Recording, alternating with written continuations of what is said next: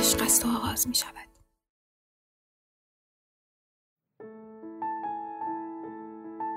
خیلی آتشی تا حالا شده تو زندگی یه اتفاقی افتاده باشه یه کاری کرده باشی که دوستش نداشته باشی. مثلا خوشت نیاد از اون اتفاقه. خب تو زندگی هممون حتما یه همچین مسئله ای هست. منم یه انسانم و به تپ همچین اتفاقایی رو پشت سر گذاشتم تجربه کردم. آره بوده. بوده کمم نبوده. تو چه حالی بودی؟ چه احساسی داشتی اون تایم مثلا من حسای خوشایندی نیستن. آره. وقتی آدم یه چیزی که اذیت می‌کنه. آره دوست نداره یا یه چیزی که تبعاتی که براش داشته خوشا... خوب نبوده خب حسش هم به تب خوب نیست و خوشایند نیست دیگه. می‌دونیم بیشتر دوست دارم بدونم که چجوری از اون بره سختی مهم. که این توش مهمه. بودی خودتو کشوندی بیرون از پسش بر اومدی. مهارت و توانایی تونستی از این بره سخت زندگیت بگذری. می‌دونی خانم باقرزاده به نظر من رنج و سختی و مشکلات با زندگی مسائل حالا همه چیه مشکل نیست بعضی چیزا مسئله است که به نظر اشتباه نامگذاری میشه مشکل. تو زندگی همه ما خب وجود داره با زندگی انسان ها. آمیخته شده. بعضی از اتفاقا این اتفاقایی که تلخن یا خوشایند نیستن به زندگی آدم معنا میده به آدم عمق میده. به آدم بینش میده. اون زمان بدونی که بدونی تو رو آماده می‌کنه برای قسمت های بعدی زندگیت. و خب مسلما هر کس آورده بیشتری داشته باشه هر کس توانایی های بیشتری با خودش به همراه داشته باشه با مسائلش بهتر کنار میاد. درسته. عواقب میشه کمتری. آره عواقب کمتری تو اون بره مثلا گریبانگیرش میشه آره گریبان گیرش میشه. اتفاقات تلخ کمتری میفته تجربه بد کمتری خواهد کرد. خب چون بازوی قوی تری داره بازوی روانی قوی تری داره. ما قبلا راجع به بازوی روانی توی وایس های قبلی و پادکست های قبلی صحبت کردیم. حالا این آورده ها می‌تونه بر اساس شرایط محیطی زندگی آدم خانواده‌ای که توش بزرگ شدم خلق و خویی که دارم شخصیتی که دارم دوستانی که انتخاب کردم یا ناخواسته در مدارس با من همراه بودن و تا حالا دورای بزرگسالیمون دوستایی که بعدا انتخاب کردیم. کتاب هایی که خوندم مجله هایی که خوندم اینها همه این توانایی های ما رو تغییر میده. گسترش میدن دیگه. گسترش میده. و هم می‌خوام بگم شما ازم پرسیدی مثلا چه توانایی بهت کمک کرد چه مهارتی بهت کمک کرد که از اون حالت بیای بیرون؟ می‌خوام بگم گستره زیادی داره یعنی طیف زیادی داره. نمیشه اسم برد.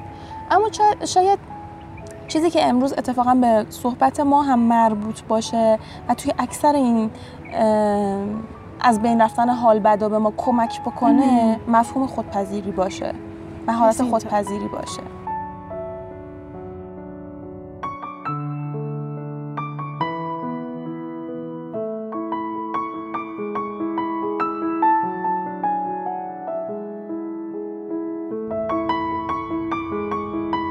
سلام وقتتون بخیر. مرزیه باقرزاده هستم مربی روابط عاطفی و مهارت‌های زندگی. امروز باز هم در خدمت سرکار خانم آتشی مربی مهارت‌های زندگی و روانشناس بالینی هستیم. موضوع امروزمون حتما فهمیدین که در مورد خودپذیری هست و ما می‌خوایم در مورد این موضوع که خیلی توی زندگی هممون تاثیر مستقیم و مثبتی داره صحبت بکنیم. خانم آتشی در خدمت شما هستیم. من هم بعد از گفتگوی دوستانه که با شما داشتم و داشتیم از زندگی خودمون حرف می‌زدیم و من سعی کردم یه جوری صحبت کنم که به درد مخاطبامون هم بخوره و خیلی شخصی نشه. حالا یه سلام عرض می‌کنم خدمت دوستانمون شما و همه مخاطبایی که دارن. صدای ما رو میشنون و خیلی خوشحالم که یه تایم دیگه در خدمت شما هستیم. باعث افتخار ماست ما منتظر اطلاعات شما و راهنمایی های شما در مورد بحث خودپذیری هستیم. فکر می‌کنم خیلی شروع خوبی بود. و خیلی سوال خوبی بحثمون رو ما شروع کردیم امروز و اصلا شاید راحت تر جا بیفته واسه هر کسی که بار اول داره به صورت مستقیم. حالا یا این واژه رو میشنوه یا نه بارها به گوشش خورده اما می‌خواد حالا دقیق تر اون رو بررسی کنه و یاد بگیره. همونطور که می‌دونین خودپذیری یکی از پایه های مهم عزت نفسه. که ما تو اولین پادکستمون راجع به عزت نفس به عنوان یکی از ستون ها رو معرفی کردیم مختصرا. و الان داریم سعی می‌کنیم که اون رو کمی عمیق‌تر و بهتر بشناسیم و سعی کنیم این مهارت رو توی خودمون ایجاد بکنیم. همین مهارتی که توی گفتگوی چند دقیقه قبلمون بهش اشاره کردیم خیلی به ما کمک می‌کنه از بسیاری از حالهای بد به حال خوب پا بگذاریم. و این حس و حالا رو تغییر بدیم و از خیلی از بحران ها بیرون بیایم و خیلی مهارت های دیگر رو کسب بکنیم. از جمله عزت نفس از جمله اعتماد به نفس و خیلی چیزهای دیگه.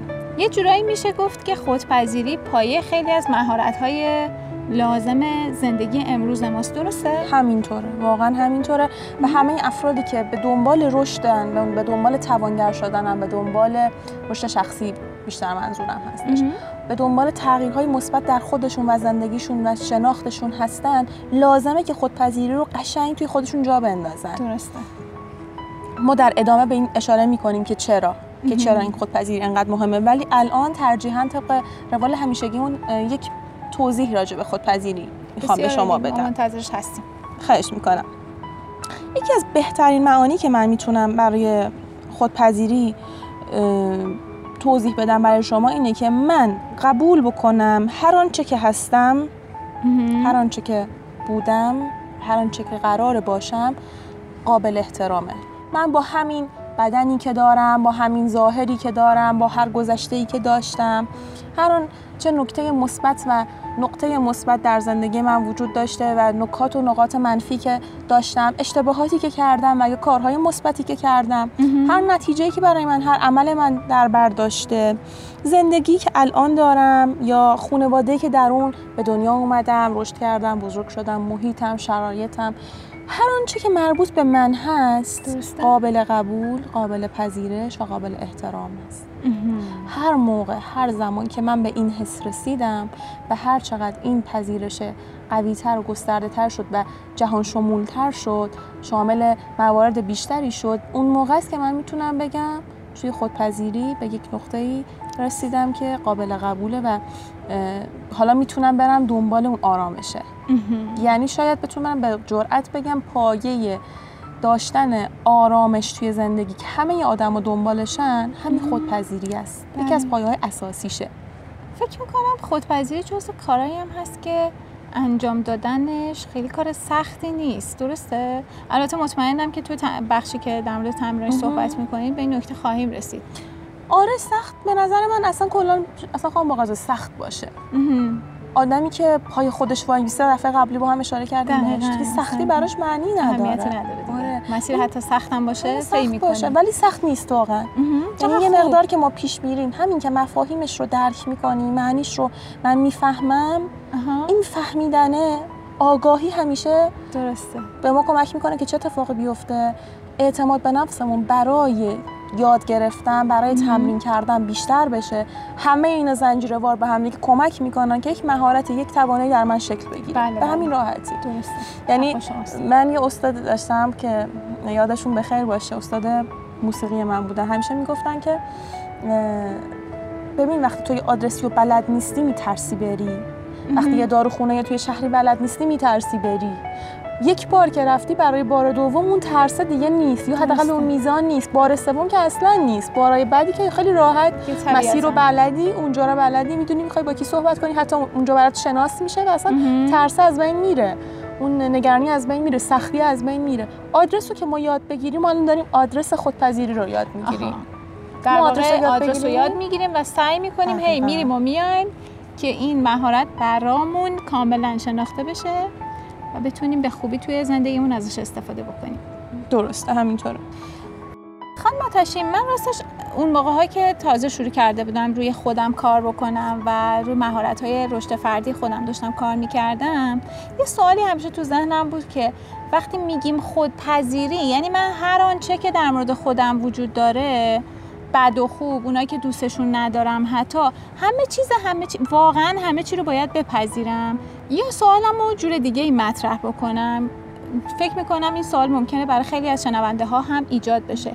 آیا ما مجبوریم همه چیزمون رو خیلی دوست داشته باشیم عاشق همه چیزمون باشیم؟ خیلی سوال خوبی بود. یعنی اکثر کسایی که ما مفهوم پذیر خودپذیری رو بهشون یاد میدیم یا در موردش صحبت می‌کنیم. خیلی هستن که اصلا مقاومت می‌کنن چون معتقدن که اصلا نمیشه ما همه چیز رو دوست داشته باشیم و عاشق هر آنچه که مربوط به خودمون میشه شرایطمون گذشتمون بالاخره من یه سری کارها توی گذشته کردم که ممکنه الان بهش فکر می‌کنم. خیلی منو ناراحت بکنه. اصلا یا توی محیطی یا توی شرایطی بخشی از زندگیم طی شده باشه که اصلا نخوام اصلا بهش فکر بکنم. پس من چطوری اینو دوست داشته باشم؟ بذارین من اینجا خیلی واضح بهتون بگم که مفهوم پذیرش با مفهوم دوست داشتن کاملا متفاوته. اگه من میگم با آغوش باز این موضوع رو بپذیرم آنچه که مربوط به من هستش رو بپذیرم معنیش این نیستش که من عاشق اون باشم دوستش داشته باشم. اصلا دیگه فکر کنم خیلی محبت الهی بود اصلا به من وارد شد. اگر فلان اتفاق بد در زندگی من نیفتاد مثلا من خیلی برای من بد می شد من می ستایمش. نه اصلا من منظورم یه همچین حرفای عجب غریب غیر واقعی غیر منطقی نیست. ولی منظورم اینه که من به این حد برسم که آقا اگه اون کار اشتباه رم کردم اگه اون انتخاب اشتباه هم داشتم اگه اون آدم اشتباهه اومد تو زندگی من اگه من یه انتخاب شغلی اشتباه داشتم. داشتم آره مثال مختلف هم سعی می‌کنم بزنم. اگه من اصلا حتی بعضی وقتا خیلی چیزای کوچولوتری آدم ها رو اذیت می‌کنه. اگه من یه جایی مثلا پولمو به اشتباه خرج کردم اگر من یه لباسی خریدم که دوستش نداشتم اگر من یه برخوردی کردم با یه دوستی با یه عزیزی با پدرم با مادرم با دوستم که دوست الان فکر می‌کنم می‌بینم اصلا نباید انجام می‌دادم. اوکی قابل پذیرشه که این کار اشتباه بوده و همین یعنی پذیرش. من پذیرفتم که اشتباه کردم. پذیرش یعنی اینکه قرار نیست اون رو دوست داشته باشی از بابتش خدا رو شکر بکنی که حتما اتفاق افتاده و خیلی هم راضی باشی. قراره که من بپذیرمش و همینجا پرونده این موضوع تموم بشه. دیگه با من تبعاتش نیاد. دیگه اون حس و حال بدش با من نیاد. یعنی در واقع ما دیگه تو اون داستان گیر نکنیم. آره قرار ما گیر نکنیم. اصلا پذیرش به ما کمک می‌کنه. یه جای دیگه من به خودم کات بدم. مثلا فرد که به وفور می‌بینیم یه اتفاق بدی براش افتاد. خب. من بذاریم طلاق مثال بزنم. چون متاسفانه این روزها جدایی های حالا چه عاطفی چه آره غیر عاطفی و جدایی مثلا مثل طلاق زیاد شده بین زوجین و ما زیاد می‌بینیم این قضیه رو. یا حتی مثلا افرادی که توی رابطهشون حالا اگه ازدواج نکردن و رابطه ای دارن با پارتنرشون دچار مشکل میشن و از هم جدا میشن به هر دلیل آقا این جدایی اتفاق افتاده. سالها گذشته مدتها گذشته ولی ناراحتی های اون حرفهایی که تو اون زمان زده شده اتفاقاتی که افتاده و تمام شده و ممکن اصلا طرف مقابل اصلا دیگه به اینها فکر هم نکنه. همراه من که پذیرش نداشتم کشان کشان اومده و اصلا شاید باعث شده که حالا تو هر کسی یک یه رنج ایجاد می‌کنه رنج ایجاد می‌کنه برای هر کسی عکس من نشون میده. ولی شما فردی در نظر بگیرید که دوچار مثلا در خود رفتگی شده در از زندگی روزمرهش مثلا فاصله گرفته یه سوال منفی سراغش اومده و باشه سوگواری یه پروسه طبیعی هست اتفاق بیفته. من نمیگم اتفاق نیفته ولی آیا یه مدت زمان مشخصی نباید باشه؟ آیا فردی که یه انتخاب اشتباه داشت یه کار اشتباه کرد یه زندگی که دوست نداشت حالا یه مسیر رو اشتباه رفت توی این زندگی باید دیگه تا آخر عمرش اینو این بار و این سختی و این رنج و این تلخی رو با خودش بکشونه و به قول شما درگیر باشه؟ خیر. کدوم آدم می‌تونه کدوم فردی می‌تونه این رنج رو یه جا کات بهش بده و درسش رو بگیره از این رنج و بره سراغ مسائل دیگه زندگیش و برگرده به روزهای عادی زندگیش. آدمی می‌تونه این کار رو انجام بده. فردی می‌تونه این کار انجام بده که یکی از توانایی‌هاش پذیرش باشه. درسته. برای همینه که پذیرش در کمال سادگی اینقدر اهمیت داره. البته. خب خانم آتشی ممکنه کلمه پذیرش رو به شکلی خیلی ساده و قابل درک برای ما تعریف بکنین لطفا. شاید جایگزین خوب همونطور که توی دقایق پیش توی صحبتامون گفتیم. اون کلمه قبول کردن و احترام گذاشتن به هر آنچه که هسته یعنی بهتره که ما دوستانمون که تا الان بامون همراه بودن دیگه پذیرش رو به عنوان یک کلمه آشنا بشناسن. لازم نباشه که ما هر بار یک تعریفی از پذیرش داشته باشیم. یعنی اینطوری باشه برای به نظر من بهتر هست. خب پس این توصیه می‌کنین که پادکست های قبلی رو گوش بکنید دقیقا همین کار هم می‌تونم بکنم. همین که من کلمه پذیرش رو حالا توی voice های قبلی و پادکست های قبلی خیلی وسیع بهش نپرداختم. منظورم همین پادکستی که الان داریم با هم. توش صحبت می‌کنیم گفتگو می‌کنیم بود.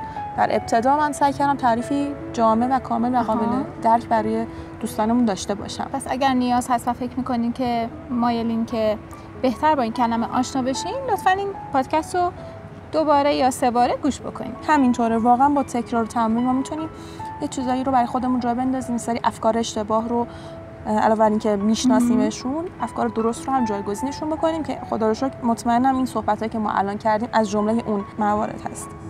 خانم آقرزاده عزیز اجازه بدین که با یه دید دیگه به این قضیه نگاه کنیم. بله حتما. پذیرش نوعی توافق ما با خودمونه. در جهتی که من خودم رو تصدیق بکنم قدرشناس خودم باشم. تایید بکنم خودم رو تایید بکنم. از خودم حمایت بکنم حالا این خودی که میگم یه به توضیح دادم در همه شرایط و در یک گستره وسیعی. درست شامل آنچه که بودم هستم و خواهم بود. آها. این اتفاق پر از مزیت خواهد بود برای من. مثلا چه جور مزیت هایی می‌تونید بیشتر برام توضیح بدین؟ آره حتما. خب مطالب روانشناسی و روانشناختی چون یه طوری که زنجیروار به هم مربوط میشه ناخواسته من تو همین چند دقیقه که با هم صحبت کردیم به مزیتاش اشاره کردم. بله، ولی الان بله. یکم مستقیم تر و دقیق تر برای دوستانی که دارن. میشنون اشاره می‌کنم حتما. وقتی پذیرش برای هر کدوم از ما اتفاق میفته به طبع اون از یکی از مزیت‌های مهمی که داره اینه که ما می‌تونیم خودمون رو مسائلمون رو و زندگیمون رو ابعاد. مختلفش رو بهتر بشناسیم. درسته. در پی این شناخته چه اتفاقی میفته این امکان رو پیدا می‌کنیم که به اصلاح دست بزنیم. حالا. این اصلاح می‌تونه نکات مثبت رو مثبتتر کنه و یا نکاتی که حالا منفی هستن و در زندگی ما بوده رو حذف بکنه کمرنگ می‌کنه و باز به سمت مثبت بودن ما پیش بریم. در کل اصلاح کردن نیاز به یه شناختی داره و اون شناخته زیر مجموعش پذیرش بود. اینطوری بذارین بهتون بگم وقتی که من قبول نکنم مسئله در زندگی من وجود داره چطور می‌خوام اونو حلش بکنم؟ برای همینه که میگم اگر من یک چیزی رو بپذیرم حالا با یه مثال می‌خوام این موضوع رو واضح تر بکنم. مثلا من یک ویژگی ناخوشایندی دارم مثل چی؟ مثل اینکه خیلی ترسو هستم نسبت به. شروع یک کاری. خب؟ حالا این ترس می‌تونه از هر چیزی بیاد ها، از هر چیزی نشأت بگیره. وقتی من این ترس رو شناسایی بکنم و بپذیرمش قبول دارین حالا می‌تونم برم راجبش آگاهی کسب بکنم و بعد شروع بکنم به اصلاح اون؟ بله حتما همینطوره. خب این پایه همه اینا چی بود؟ غیر از این بود که پذیرف... پذیرفتن اتفاق افتاد که به اصلاح بله، رسیدم پس من همه تلاشم این بود که تو این چند مورد بگم که یکی از مهمترین مزیت‌های پذیرش اصلاح هستش. بعد از قضیه شناخت. به طور کلی اینطوری بگم که این مهارت به ما کمک می‌کنه تا ما یه سری از حسای منفی رو کنار بذاریم نسبت به. خودمون و زندگیمون و همه اینها در ایجاد حس مثبت تأثیر گذار هستش بله. و همه اینها در کم شدن پریشانی های من اون. استراب های من اون احوالات ناخوشایند من. هست در نتیجه همه اینها چه اتفاقی میفته تمرکز من می‌تونه رشد بالا بکنه بره. بالا بره تمرکز که بالا میره حالا من می‌تونم رو قدم های مثبتم. کار بکنم و بخوام که پیشرفت بکنم این دریچه های پیشرفت باز میشه به روی من این زندگیمون رو به رشد میشه. همینطوره به دنبال خودش پیشرفت داره. م، یه مثال خیلی مشخص بذارین بزنم همونطور که متاسفانه می‌دونین آمار جدایی ها چه توی روابط جدی چه توی روابط غیر جدی خیلی بالا هستش. درسته. حالا شما فکرشو بکنید کسی که حالا یا ازدواج کرده و یا مشغول یک رابطه ای بوده به هر دلیلی جدایی براش اتفاق افتاده. مهم. شما نگاه بکنید فردی که توی این جدایی متحمل ضرر شده مسلما که برای همه دو هر دو طرف این ضرر هستش. حالا کم و بیش. حال بدی ایجاد میشه و حس و حال. بد درش ایجاد شده. بله. یه بالاخره به یه جایی می‌رسه که می‌خواد از این رابطه بره بیرون. حس و حال بد و منفی هم در کنارش هستش. درسته. اگر پذیرش اتفاق بیفته ببینیم چی میشه. اگر پذیرش اتفاق نیفته چه اتفاقی میفته. می‌خوایم اینطور با هم مقایسه. مقایسه بکنیم. فردی که میپذیره که یک سری اشتباهات داشته که به این نقطه رسیده درسته. دیگه اون اشتباهات رو به احتمال خیلی زیاد تکرار نمی‌کنه. چون به یه آگاهی رسیده به یه در آگاهی واقع. رسیده و یا در حداقلش اینه که یک سری حس و حال منفی رو کشون کشون با خودش به همه جا نمی‌بره حالا خیلی از.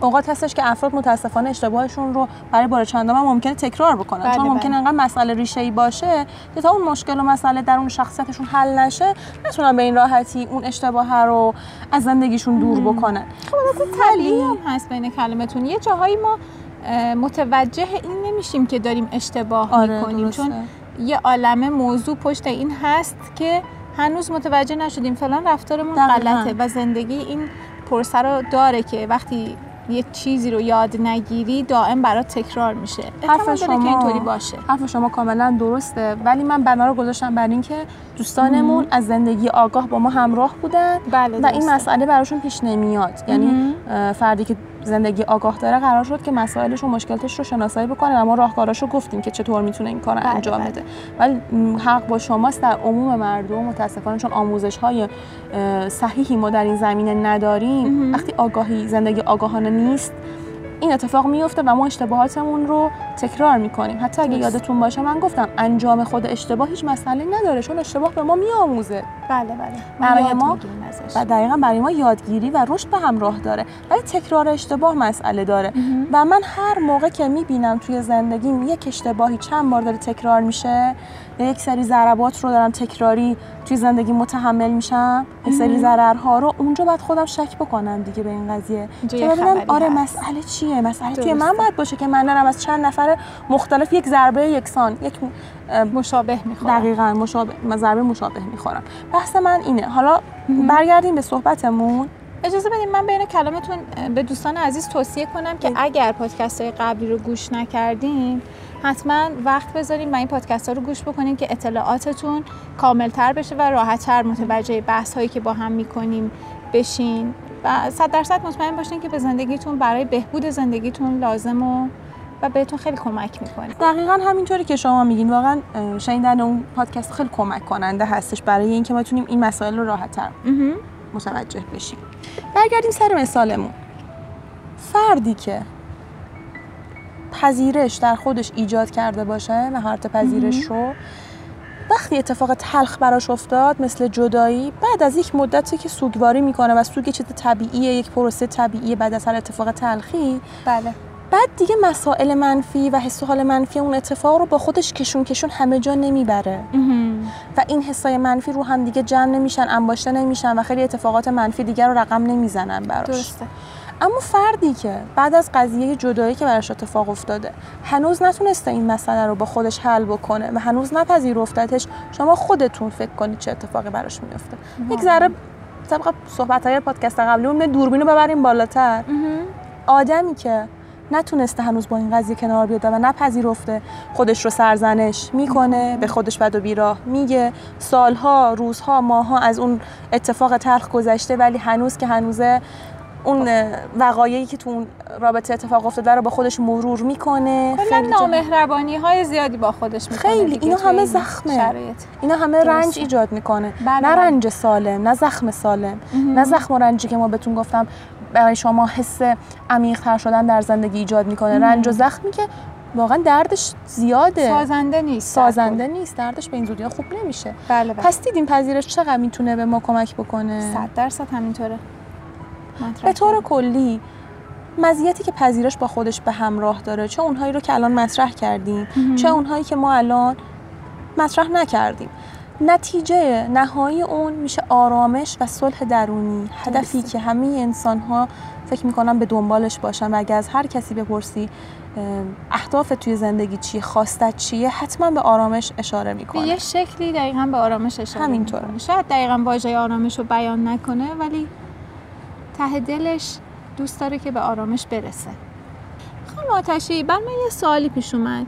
وقتی که در مورد مزایای خودپذیری صحبت می‌کنیم و این همه حس و حال خوب تو درون ما ایجاد می‌کنه باعث میشه حال زندگیمون بهتر بشه چرا بعضی از افراد این مسئله رو نمیپذیرن؟ چرا خودشون رو همون جوری که هستن با همون ویژگی های خوب و بدی که دارن نمیپذیرن؟ سوال خیلی به جایی بود خانم باقرزاده عزیز. در کل انسان دارای حق انتخاب هستش. درسته.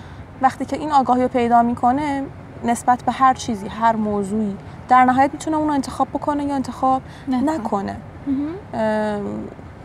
من فکر می‌کنم یه انتخاب شخصی باشه. ولی باز اگه بخوایم ریشه به این مسائل بپردازیم که چرا یه عده انتخاب نمی‌کنن من چند تا مورد رو دقیقتر بررسی می‌کنم. امیدوارم اگر دوستی پای این پادکست نشسته و داره گوش می‌کنه و دنبال چرای این قضیه است که حالا تا الان چرا خودش رو نتونسته تمام و کمال بپذیره بهش کمک بکنه.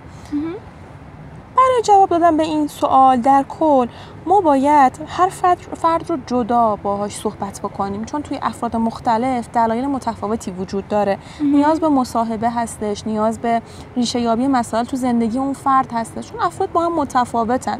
تو شرایط متفاوتی رشد کردن. شما فکرشو بکن یه فردی که توی ایران به دنیا میاد یک فردی که توی خارج از ایران به دنیا میاد یک فردی که توی یکی از روستاهای دورافتاده ایران به دنیا میاد یک فردی که توی پایتخت به دنیا میاد. اینها مسائلی هستن که ناخواسته انسان رو به تغییر می‌کنن. حالا شما ژنتیک رو بگیر فرزند چندم بودن یک خانواده رو بگیر میزان تحصیلات آدم ها رو در نظر داشته باشین. همه اینها و خیلی چیزهای دیگه که جا نمیشه توش من اینجا راجع صحبت بکنم. باعث ایجاد تفاوت در آدم ها میشه. برای همینی که میگن آدم ها خودشون رو با دیگران مقایسه نکنن. فقط من حق دارم خودم رو نسبت به روز قبل خودم با خودم مقایسه بکنم. حالا این آدم هایی که متفاوتن خب مسلما دلایل متفاوتی هم برای این وجود داره بله. که چرا یک اتفاق خوب رو نمیپذیرن و چرا یک تغییر خوب رو نمیپذیرن. ولی باز ما بخوایم به طور کلی به اینها اشاره بکنیم باید بگردیم دنبال اون انگیزه پس این اتفاق باید ببینیم پشت این قضیه نپذیرفتن خود چیا قرار داره. یکیش مثلا می‌تونه این باشه که فرد آگاهی نداره. که حالا امیدواریم با این پادکستی که ما الان امروز داشتیم این مسئله حل شده باشه. دقیقا. یه سری آدم ها هستن که انگار می‌خوان یه جوری خودشون رو به اتفاقا تغییر وادار بکنن خب. میان عدم پذیرش رو انتخاب می‌کنن. چه جالب. حالا شاید شما بپرسین چطوری؟ جوابش این شکلیه. متاسفانه نمی‌دونم باور از کجا میاد ولی یه باور همهگیری و من به وفور در آدم های مختلف چه حتی اونهایی که تحصیلات عالیه دارن آدم که اهل مطالعه هستن دیدم که توی حال مراجعه که اتفاق افتاده و اینها فرد فکر می‌کنه اگر خودش رو با اون چیزهایی که هست بپذیره نقطه مثلا توقفش میشه. دیگه رشد اتفاق نمیافته. دیگه تغییر اتفاق نمیافته. ولی واقعا این باور به طور کامل اشتباهه. همچین چیزی نیست. درسته. که من بعدها اگه وقت شد اشاره می‌کنم چرا غلطه. حتما حتما. تیترها رو ما با هم دیگه مرور بکنیم که باز چه اتفاقاتی ممکنه بیفته که یه نفر خودش رو نپذیره. یه دلیل دیگه که برای عدم پذیرش خود می‌تونه اتفاق بیفته اینه که فرد می‌خواد خودش رو تنبیه بکنه. یعنی عده‌ای هستن میشه خودشون میگن که خب من به فلان هدفی که خواستم نرسیدم. مثلا شما مثال بزن. حتی اینجا اشاره بکنم که این کار کاملا ناهوشیاره. بله. جایی که می‌دونم خیلی ها ناهوشیار. کاملا ناهوشیار. یعنی ما عمدن این کارو نمی‌کنیم که خودمون رو تنبیه کنیم. خیلی ناخواسته توی ذهن ناخودآگاهمون. به هر دلیلی به خاطر اون رفتاری که کردیم و فکر می‌کنیم پیش خودمون که خیلی کار اشتباه بزرگیه کار غلطیه و ما مستحق یه تنبیه اساسی هستیم اون کار به خودمون می‌کنیم. درسته کاملا اشاره به جایی کردیم و من با این فرض این صحبت ها رو می‌کنم که دوستان بدونن خیلی وقتا این کارها دقیقا به صورت غیر عمد داره اتفاق میفته بله. و حتی ممکنه همین الان فرد برای بار اول که اینها رو گوش می‌کنه بگه نه خب من که شامل این مورد نمیشم. ولی دفعات بعدی که تکرار میشه و یه ذره می‌تونه بهتر و چطور بگم با یک دید بهتری این پیام ها رو توی زندگی خودش وارسی بکنه یکو می‌بینه که آره انگار منم درگیر هستم یه جاهایی. و برای همینه که مدام اشاره می‌کنیم که مثلا از یک مربی از یک روانشناس از یک مشاور کمک بگیر. چون واقعا آدم ها خودشون به تنهایی خیلی وقتا نمی‌تونن این مسائل توی زندگی خودشون پیدا بکنن. بله بله. مگه فرد راجع به این موضوع اطلاعات داشته باشه دوره دیده باشه آگاهی کسب کرده باشه و بتونه کمک بکنه به ما. که البته اینو بگم مثلا من که خودم مربیم من مربی دارم. احتمالا شما خودتون مربی دارید. یعنی یه طوری نیست که چون یه آگاهی در مورد یه دانشی در مورد مثلا انسان داریم پس دیگه تمومه. همه چی تمومه. نه اصلا اینطوری نیست.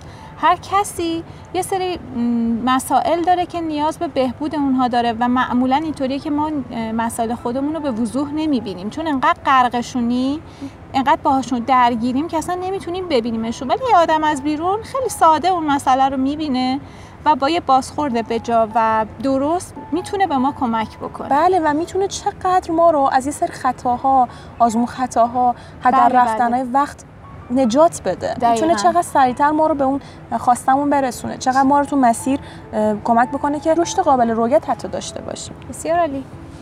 همینطور که گفتم و شما فرمودین ناخداگاه یک سری افراد برای تنبیه خودشون از این روش استفاده می‌کنن. یعنی فرد میگه که خب حالا من چون مثلا نتونستم امسال ارشد قبول شم من چون امسال نتونستم مثلا خونم تغییر بدم محل زندگیمو تغییر بدم. من چون نتونستم درجه کاری بهتری کسب بکنم درسته. من چون نتونستم مثلا فلان مورد رو تهیه بکنم حالا هر چیزی که در ذهن دوستان هست خب حالا مستحق اینم که حالا که این کارو نکردم مستحق اینم که رنج بکشم. مستحق اینم که اذیت بشم. من به جای پذیرش خود ترجیح میدم این تنبیه رو پیش بگیرم. خدازاری بکنم. حالا شاید بشه یه جورایی آره دیگه آزار رسوندن به خود هست. و یکی از دلایل دیگه که اصلا می‌تونه برای این عدم پذیرش وجود داشته باشه اینه که خیلی افراد اکثرا باز هم به صورت ناخودآگاه. از این موضوع به عنوان یه انگیزه استفاده می‌کنن برای تغییر نکردن یا تغییر کردن. آها. برای کاری رو انجام دادن یا کاری رو انجام ندادن. درسته؟ و باز هم اینم یکی از دلایل می‌تونه باشه. مثال مثلا شما یک سری افرادی رو در نظر بگیرین که به دلیل اینکه دوست ندارن مسئولیت بپذیرن تن به ازدواج نمیدن. درسته. یا تن به پذیرش که مسئولیت نمیدن. خب؟ خب. حالا می‌دونه که مسئولیت پذیریش ضعیفه ولی خودش رو اونطوری نمیپذیره. فرافکنی می‌کنه دلیل دیگه ای مطرح می‌کنه. بهانه بهانه میاره. درسته. ببینید این مواردی که من مطرح می‌کنم واقعا مثال های زیادی براش وجود داره. فقط ما به دلیل محدودیت زمان هستش که مجبور میشیم یه مثال کلی بزنیم که همه گیر باشه و به درد همه شنونده ها بخوره یا خیلی بازش نمی کنیم وگرنه خیلی از اتفاقات روزمره ما در زیر مجموعه همین مواردی که گفتم قرار گرفته. درسته. فقط کافی یک کم تفکر کنیم. یا یه ذره بیشتر راجبش اطلاعات کسب کنیم و عمیق‌تر بشیم. و دقت بیشتری به قضیه نگاه کنیم و عمیق‌تر بشیم. خانم آتشی با توجه اینکه وقت گفتگوی ما دیگه تمام شده. من ازتون می‌خوام همینجا قول بگیرم که هفته آینده در مورد تمرین ها و راهکارهایی که باعث میشه ما بهتر خودمون رو بپذیریم صحبت بکنیم. و دوستان عزیز خیلی خیلی ممنون که به این پادکست گوش کردین. تا پادکست بعدی خدا نگهدار.